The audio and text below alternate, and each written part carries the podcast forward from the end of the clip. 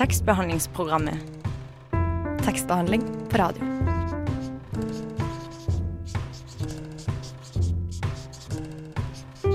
Tekstbehandlingsprogrammet.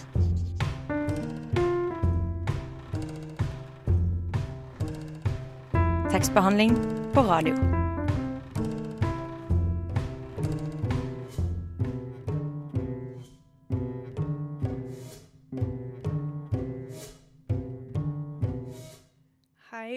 Velkommen til tekstbehandlingsprogrammet her på Radio Nova.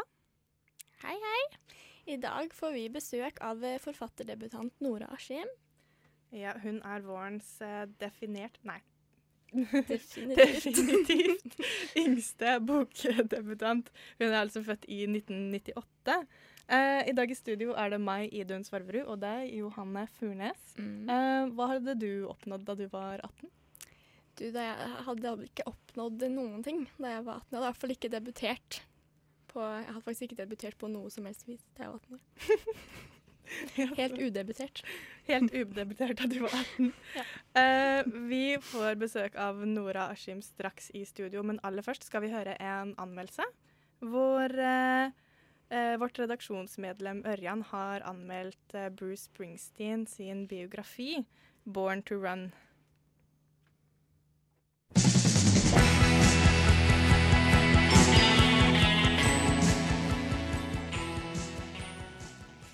Få artister har hatt en så lang og produktiv karriere som Bruce Springsteen. Gjennom sine nå over 45 år som sanger og frontmann for The E Street Band har Bruce, eller The Boss som han også kalles, underholdt for millioner av fans på fulle arenaer, hvor han har holdt sine ofte tre-fire timer lange konserter. Og gjennom årene har han også gitt oss hiter som Born in the USA, Badlands og The River. Derfor var det nok knyttet stor spenning til han nå i høst ga ut sin selvbiografi ved navn Born to Run, som også er tittelen på en av hans største hiter, og som er fra albumet ved samme navn.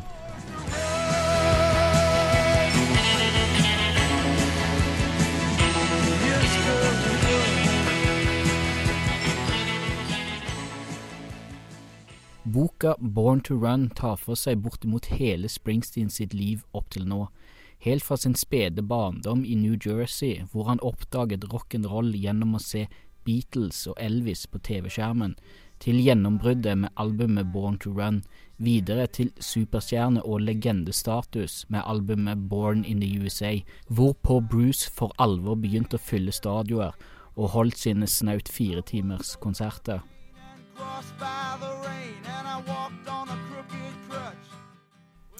Likevel er det ikke rockestjernen Bruce vi blir kjent med i boken, heller den halvt irske, halvt italienske og 100 neurotiske Bruce, som vokste opp sjenert og usikker, under fattigslige kår og med en alkoholisert og psykologisk ustabil far.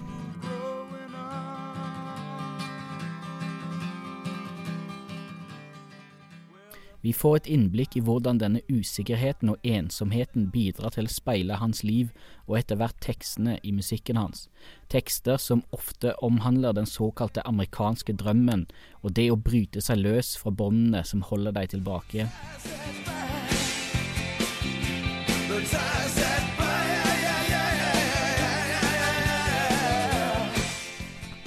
Videre får vi se hvordan musikken sammen med usikkerheten utvikler seg til å bli noe enda større enn det Bruce selv klarer å takle. Både berømmelsen, som når et av mange høydepunkt når Bruce havner på forsiden av to av de største amerikanske tidsskriftene på den tiden, Time Magazine og Newsweek, hvor han ikke mindre blir hyllet som rockens fremtid, og hans barndoms usikkerhet som etter hvert utvikler seg til å bli et fullvoksent, nervøst sammenbrudd.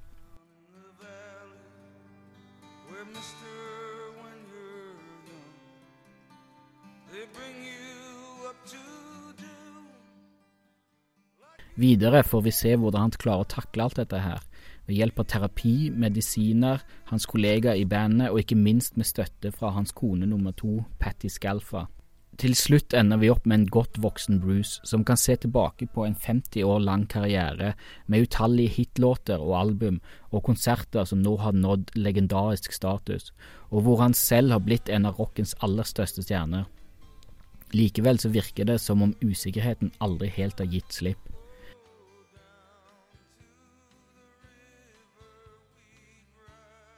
Som en langvarig Springsteen-fan og beundrer er det ikke så veldig mye i boka som er oppsiktsvekkende nytt. Hans stakkarslige oppvekst, hans usikkerhet og ikke minst hans forhold til sin egen far er noe som har blitt skrevet om i utallige artikler og biografier om Springsteen før. Og det er et tema som Springsteen selv har snakket om på scenen.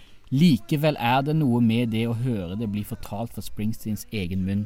For det er ikke noe som helst tvil om at dette er noe som blir fortalt med Springsteens egne ord, og med sin lange karriere som musiker og lyriker er én ting klart, Springsteen vet hvordan man forteller en god historie.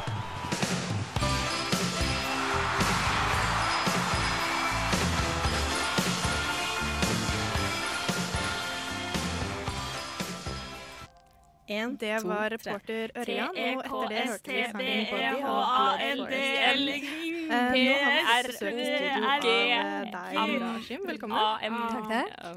Og eh, du eh, debuterer jo nå med diktsamlingen 'Unngå øyekontakt' nå til våren. Kan du Mm. fortelle oss litt om det? Ja, det er jo en diktsamling med en sammenhengende historie. Det handler om ei jente som planlegger å ta livet sitt. Så vi får på en måte innblikk i de siste dagene hennes, da. Ja, det er jo en veldig litt sånn skummel tematikk. Så jeg bare lurer på hvordan, hvordan var det det falt deg inn på en måte å skrive Kom det med en gang, eller var det på en måte noe som kom etter hvert? Skrive om selvmord. Nei, jeg begynte egentlig bare å skrive dikt. Og så eh, eh, hadde de ikke noe eh, sammenhengende tematikk i det hele tatt. Og så så jeg bare etter hvert at ja, dette var jo litt traurige tekster. Så da tenkte jeg mm, nei, da må det handle om noe. Det må handle om noe trist. Og så var selvmord det første jeg kom på. Så da ble det en bok om selvmord, Så det var rett og slett litt grann tilfeldig. egentlig. Mm. Hvordan er det da når man er så ung selv, da, å skrive om en så på en måte tung og vanskelig eh, tematikk? Nei um, Jeg tenkte ikke noe særlig over det da jeg først begynte å skrive om temaet. Men uh, nå, nå som jeg har jobba med det en stund, så tenker jeg at jeg kanskje ikke burde skrevet om det. At jeg kanskje ikke er helt berettiget til å ta for meg det temaet, da. Men eh, det, har det, du begynte å skrive når du var 16? På, Nei, jeg, jeg begynte å skrive på denne boka da jeg var Mm. 16. Mm. Ja. mm. ja. Eh, hvordan har den prosessen vært? For du er 18 nå, så det har jo på en måte vært to Mm. år som er ganske innholdsrike. Ja. Nei eh, Jeg sendte jo inn eh, manuset eh, rett før jeg ble 17. Mm. Så, og det var jo ingenting som skjedde før da, egentlig. Nå satt jo bare hjem, jeg eh, hjemme på pikerommet og skrev eh, triste dikt, som alle småjenter gjør. Eh, ja, men eh, det var jo da jeg fikk svar at eh, det virkelig ble noe jeg jobba mye med, da. Mm. Og jeg har jo jobba veldig mye og konsentrert etter det. Um, jeg regna det ut for, uh, for noen dager sia, og jeg har brukt ca. 2000 timer på denne boka. Em, hvis vi tenker at det er eh, eh, litt under 2000 ord til sammen. Så Det, er, Ja. det, er litt, det er litt tid. ja, det er litt tid. Det er en litt interessant måte å tenke på det på. Mm. Eh, men du nevnte jo litt om det, altså at du innså at du kanskje ikke var helt berettiget til å skrive om det temaet. Yeah. Hvordan har forholdet ditt til temaet på en måte endret seg ettersom du har blitt eldre? Eller har det det i det hele tatt? Nei, altså det er jo Det er jo noe jeg kanskje ikke forstår like mye som jeg gjerne vil. Men øh, jeg tror at jeg kanskje har fått en eh, økt respekt for eh, folk med selvmordstanker. Det var ikke det at jeg ikke hadde det fra før, men jeg bare tenkte ikke noe over det. Bare løp rundt og var 16. Tenkte ikke på sånne ting. Eh, men eh, når man skriver om det, så må man jo være litt eh, bevisst på hva man skriver om. Mm. tror du den respekten på en måte vil vises noe i tekstene dine også? Ja, jeg håper det. Jeg har prøvd å skrive på den måten. Mm. Um, vi skal høre litt uh, musikk uh, igjen, og du har jo fått beskjed av meg om å velge deg ut noen sanger til denne sendingen. Og da begynner vi med Fitter, ha Fitter Happier av uh, Radiohead. Og da lurer jeg på hvorfor er det du har valgt akkurat denne sangen? Jeg har valgt den sangen fordi den er jo evig aktuell for samfunnet. Og eh, jeg syns den passer ganske bra eh, for den karakteren jeg skriver om. Mm. Her kommer altså Radiohead med Fitter Happier. Hallo, mitt navn er Knut Nærum, og du hører på tekstbehandlingsprogrammet. Jeg går i hvert fall ut fra at du gjør det. Vi hørte Radiohead med Fitter Happier, som er valgt av Nora Askim, som vi har besøk av i studio her i dag. Og du hører fortsatt på tekstbehandlingsprogrammet på Radio Nova. Uh, Nora, du skal lese et lite utdrag for oss uh, nå, du. Da er det egentlig bare å sette i gang. En mann sitter ved siden av meg og hulker. Legger fra meg avisa. Tenker jeg må si noe, ettersom jeg er noenlunde dannet. Gjort noe spennende i det siste? Kan du eh, fortelle litt om det du leste nå? Ja, jeg kan vel det. Nei, det er jo en litt absurd tekst, kan man si. Eh, dette er jo ei jente som eh, knapt kjenner noen mennesker i det hele tatt. Så man kan jo lure på om denne mannen egentlig finnes, eller om det bare er noe hun forestiller seg at eh, skjer. Ja. Og dette var altså et utdrag fra boka som lanseres i slutten av mars. Ja. Mm. Så et lite, en liten smakebit der, altså. Jo.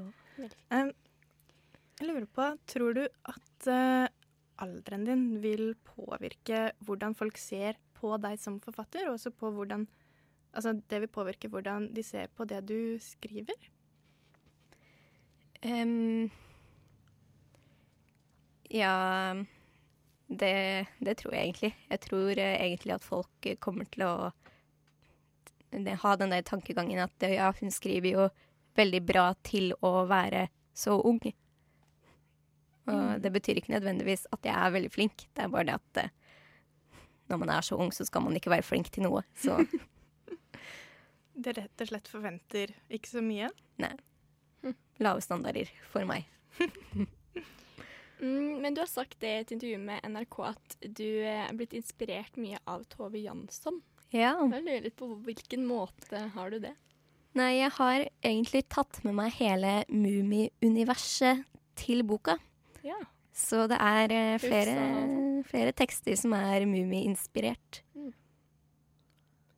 Hvordan da? Er det på en måte hele inspirert av eh, på en måte verd, altså skapningen i verdenen der og sånn, eller er det Ja, det er eh, karakterene som Ja. på en måte er, er med i boka. spennende? Så det er altså Mummiuniverset i en bok eh, med tema selvmord. Ja. Hvordan tror du det vil bli eh, mottatt? Nei em, Kanskje det var, var dårlig gjort av meg å, å eh, blande eh, selvmord og, og barnebøker, men Mummiverdenen har jo alltid vært litt sånn skummel. Ja. skriver mye om Hufsa, da. Ja, så det, det er det lov. Det er absolutt lov, og så er det alltid positivt å overraske litt, tenker Mhm. jeg. Um, er det noe annet som har inspirert deg nå? Mm. Jeg, eh, jeg har vært eh, litt inspirert av eh, Olga Ravn, som er en eh, dansk poet. Ganske ung. Mm. På hvilken Og- måte da? Nei, det er særlig en bok som hun eh, ga ut for ikke så lenge siden, som heter Den hvite rose. Som, den handler også litt om det samme, da. Det handler ikke om en, uh, om en person som begår selvmord, men uh, heller om en som står på siden, da. Mm. Mm. Vi skal snakke litt mer om uh, unngå øyekontakt uh, senere, men først skal vi høre Cashmere Factory med Young. Hysj! Nå hører vi på tekstbehandlingsprogrammet. Vi har fortsatt besøk av Nora Askim her i tekstbehandlingsprogrammet på Radio Nova. Og Nora, du skal lese et utdrag til for oss.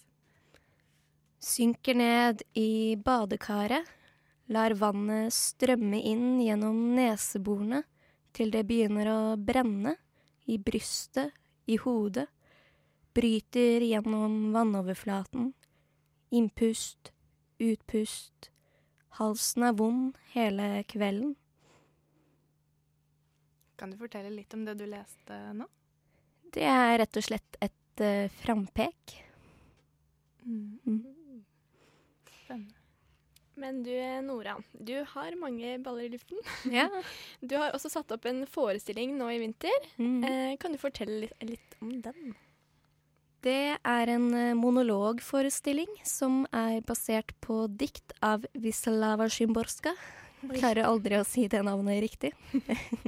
Er hun fra Russland eller noe? Eller? Hun er polsk. polsk, ja. Mm. Hm. Skriver veldig fine dikt. Mm. Mm. Og eh, jeg eh, spilte den forestillinga i samarbeid med en monologfestival som heter Monofon. Helt ny festival på Hamar. Hamar. Mhm. Kult. Mm. Men det var altså bare deg som var med i forestillingen, da. Ja. Bare Eh, meg. Og det bringer oss litt over til et annet tema, for du går jo dramalinjen på videregående. Mm. Um, så da lurer vi litt på hva er det som eh, er planen når du er ferdig på videregående? Er det drama, er det litteratur, eller? Ja takk, begge deler. Eh, jeg, eh, jeg er jo like glad i drama og teater som jeg er i litteratur. Og jeg vil veldig gjerne jobbe like mye med begge deler. Men på en måte så er det litt mer utfordrende å skulle drive med drama og teater, fordi da trenger jeg andre folk rundt meg. Jeg trenger å komme inn på skoler og teatre og Mm. det, det er mer krevende. Men når jeg skriver, så er det jo bare meg som sitter hjemme. Ja. Ja. Krevende, på. det ja. Men det jo veldig, går jo veldig fint an å komponere, egentlig. Ja. Mm. Ja. Spennende. Men uh, du sier det er mer krevende med drama. Er det skrivingen, er den kommer den veldig sånn naturlig og lett for deg? Den, da? Litt også med tanke på at du er veldig tidlig ute med din første bok også. ja, skrivinga kommer veldig naturlig. Det er jo ikke alt som er like bra.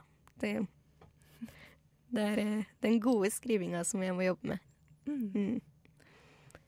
Og vi skal eh, snakke enda litt mer eh, med Nora etter litt mer musikk. Og nå skal vi høre en sang til av Radiohead, også valgt av deg, eh, Nora. Mm. Eh, og nå er det Burn the Witch. Eh, hvorfor har du valgt eh, den låta? Um, det er der uh, tittelen på boka kommer fra. Oi! Mhm. Finner det et sted inni sangen. Ja, så vi får rett og slett eh, høre nøye etter og se om vi eh, hører den. Yeah. Her kommer Radiohead med Burn the Witch. Hallo, Chartersveien her. Jeg passer jaggu meg inn i tekstbehandlingsprogrammet også. Jeg syns at døra bør stå på gløtt. Tekstbehandlingsprogrammet holder døra oppe for alle. Lar du døra di være litt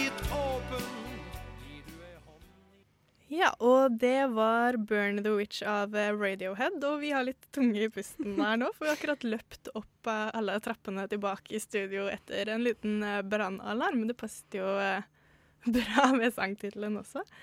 Eh, men vi fortsetter der vi slapp, vi. Og vi har fortsatt besøk av eh, Nora Askim her i tekstbehandlingsprogrammet på Radio Nova. Og Nora, du går i tredje klasse på dramalinjen på videregående. Hva sier vennene dine om at du skal gi ut bok? Nei, de, eh, De sier jo det venner sier når man får til ting.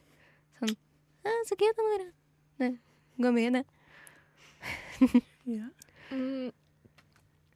Men eh, hvordan har det vært å jobbe med bokprosjektet, samtidig som du er eh, videregående, skole, videregående skoleelev?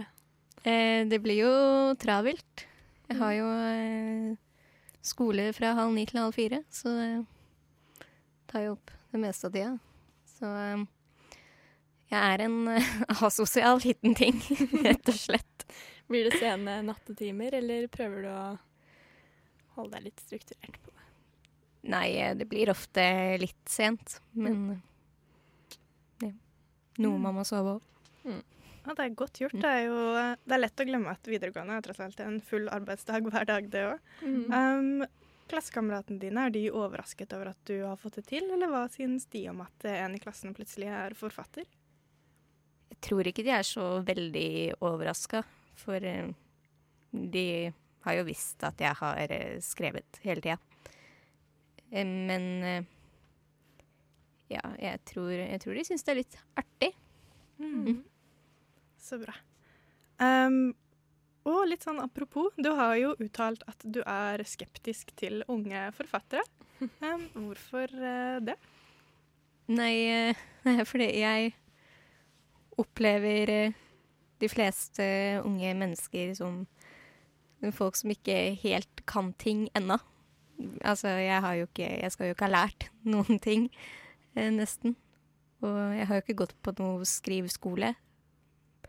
Og eh, ja. Unge forfattere har jo generelt lite erfaring med skriving. Man kan jo selvfølgelig ha det når man er eldre også, men eh, det er jo umulig å ha mye erfaring og god erfaring når man er ung. Mm. Så alder er ikke bare et tall, med andre ord. Nei. um, men um, det er jo mye fokus på det med generasjon prestasjon i, for tiden. Eh, kjenner du noe på det? Og er det på en måte Merker du at det er viktig å gjøre noe videre annet enn det å på en måte drive med skole, da? Eller bare være en videregående elev? Bare med i hermetegn. Tja, for, jeg vet at det er sånn for veldig mange, Mm. men eh, jeg er ikke så opptatt av skole. For det, jeg liker det ikke helt. Eh, så jeg vil jo bare få til noe annet enn skole. Du har rett og slett bestemt deg før du er ferdig på videregående. Ja. og for mange vil det kanskje bli litt overrasket. De kanskje ser for seg at eh, du elsker norsktimene. Og, og ja, at du er kanskje litt sånn stereotypisk at man er litt skoleflink når man eh, liker å skrive. Men eh, hvordan tror du våren blir da, når du skal være bokdebutant og du skal være russ og eksamenstiden og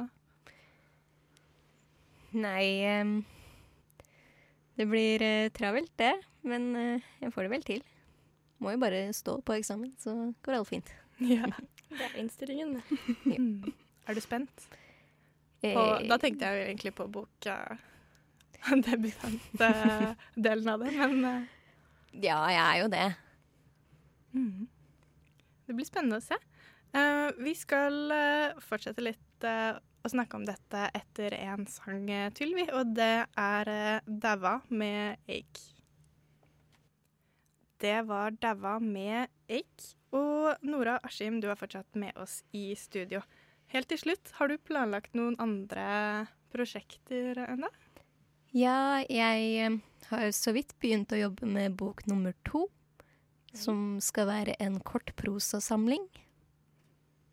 Spennende. Så du har allerede begynt å jobbe med noe nytt? Ja. Så da er det jo bare å spørre hvor er det du egentlig ser for deg selv om sånn 20 år? Når du har fått til så mye allerede. Om eh, 20 år, da er jeg 38, da. Da er jeg sikkert sånn nyskilt og skriver om det. Alltid et godt tema. Ja. Mm. Skal det bli eh, en ny Knausgård? Nei. Absolutt ikke. Det er jo skilsmisse og selvmord. Det er jo det er gjengangere, det, altså. Ja. Er det lov å snike seg til å spørre hva denne kortprosasamlingen eh, skal handle om? Eller om du har noen ideer eller ønsker om hva det skal eh, bli? Det, det skal handle om livet til ei dame fra hun er eh, ganske ung og til hun blir gammel. Det blir eh, kjempespennende. Vi gleder oss eh, veldig både til Mm. bok én og bok to. Absolutt. Um, og vi avslutter med en uh, siste sang av Radiohead, også valgt av deg, Nora. Og det er 'Exit Music for Film'. Valgt ja, av deg, og det er også Radiohead, som sagt. Uh, hvorfor har du valgt den sangen her? Nei, jeg tenker at eh, Exit Music eh, passer veldig bra til eh, boka og temaet. Det er veldig sant. Så her kommer altså Radiohead med 'Exit Music for Film'. Nå skal vi høre et uh, innslag. Det har nemlig de siste ukene foregått en stor diskusjon om den norske kulturkanonen, etter at kunnskapsminister Torbjørn Røe Isaksen lanserte ideen om å lage en offisiell liste over vår kulturarv. En av dem som har engasjert seg i debatten, er Anne Merete Prinos, som er generalsekretær i Norsk Kritikerlag. Vår reporter Robin dro en tur til Forfatternes hus for å slå av en prat med henne.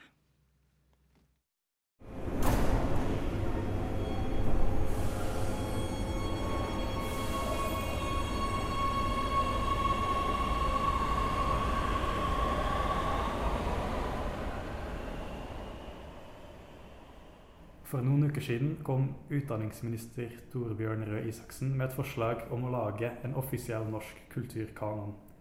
Dermed sparket han i gang en debatt som har pågått ganske heftig i offentligheten de siste par ukene. Eh, Mange ble provosert av at forslaget kom fra den politiske høyrefløyen i disse allerede ganske mørke tider av nasjonalisme og identitetspolitikk.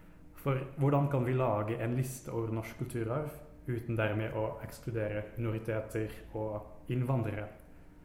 Jeg sitter på kontoret til Anne Merete Prinos, litteraturkritiker for bl.a. Aftenposten og generalsekretær i Kritikerlaget. Anne Merete, du har bidratt til diskusjonen ved å lage en, eh, et, fors et eh, kort forslag om eh, en norsk litterær kanon i Aftenpostens søndagsavis. Hva er din posisjon i hele denne debatten? Jeg uh, har uh, problemer med å se at uh, det er en god idé at en kanon skal, en nasjonal kanon skal etableres fra regjeringshold. Og jeg syns det er god grunn til å se på erfaringene fra Danmark, hva som skjedde der. Da de i 2005 etablerte en dansk nasjonal kanon. Og den i ettertid så er det jo svært mange som mener at det hadde ingen betydning i det hele tatt. Den eneste betydningen det kanskje hadde, var at mens det sto på, da, at uh, da var det en heftig diskusjon om, om verkene. Um, og det er vel det jeg også tenker at er det beste man kan få ut av uh, en sånn idé. At det blir, at det blir en uh, diskusjon. Um, er det et problem at forslaget kom fra det politiske, og da fra høyrefløyen i tillegg? Nei, jeg, jeg, jeg mener at det er problematisk at det skal være igangsatt av, uh, av offentlige myndigheter. Jeg, jeg, ser ikke hva godt som kan komme ut av uh, det. Og også fordi, ja, som det er blitt uh, gjentatt sikkert til det kjedsommelige, så er det med det norske, hva det norske er, umulig å definere. Skjønner. Uh, likevel så har du sjøl laget en minilitterær kanon um, da Aftenposten spurte deg.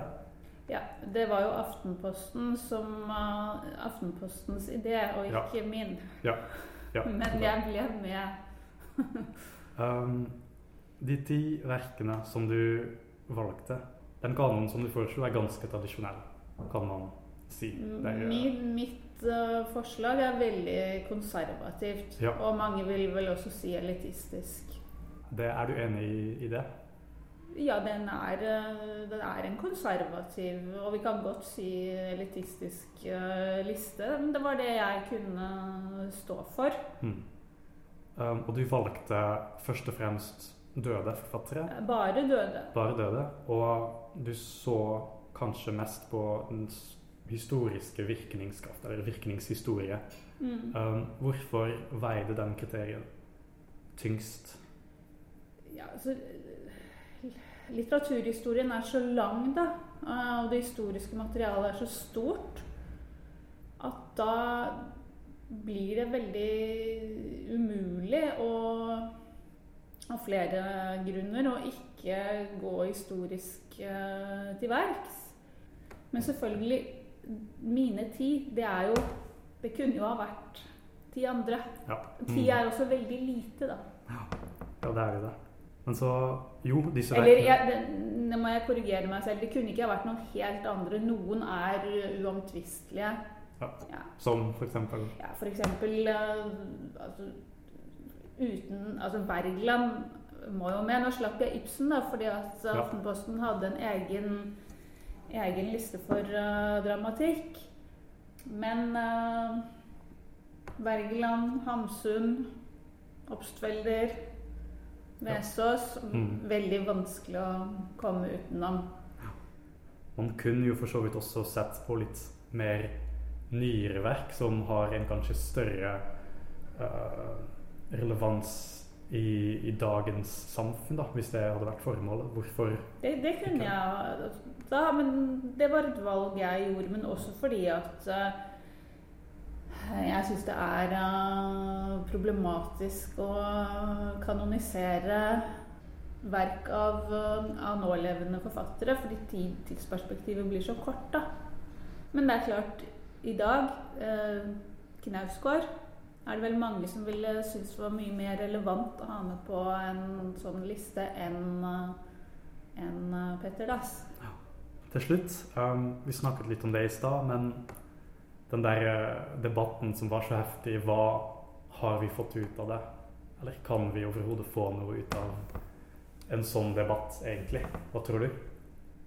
Man kan få en god debatt om, om litteratur. Det tror jeg man kan få. Det, det tror jeg ja, det, det er det positive ved det.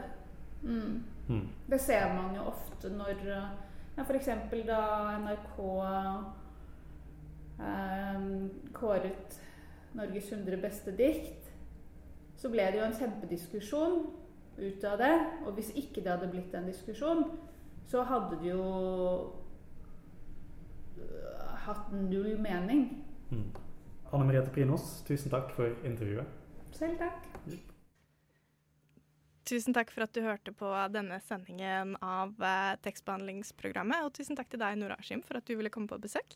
Takk for at jeg fikk komme. Det blir spennende å se framover eh, hva du får til. Og ja, vi vil bare si takk for sending. -hmm. Og følg oss gjerne på Facebook og Instagram og SoundCloud osv. osv. Eller hør på oss her neste onsdag fra 10 til 11 på FM 99,3. Eller DAB. Det er også lov. Nei, ikke helt på topp. Det skal sies at vi blir på FM-nettet mye lenger enn alle andre, siden vi er lokalradio sånn teknisk sett. Og i studio i dag var meg, Idun Svorverud, deg, Johanne Furnes, og som alltid vår faste tekniker Theodor Skaufeld. Takk for eh, nå. Takk.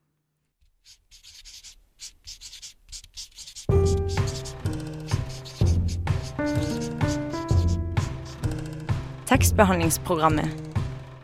Tekstbehandling på radio.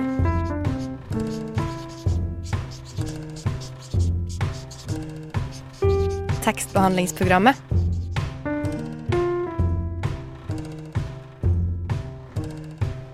Tekstbehandling på radio.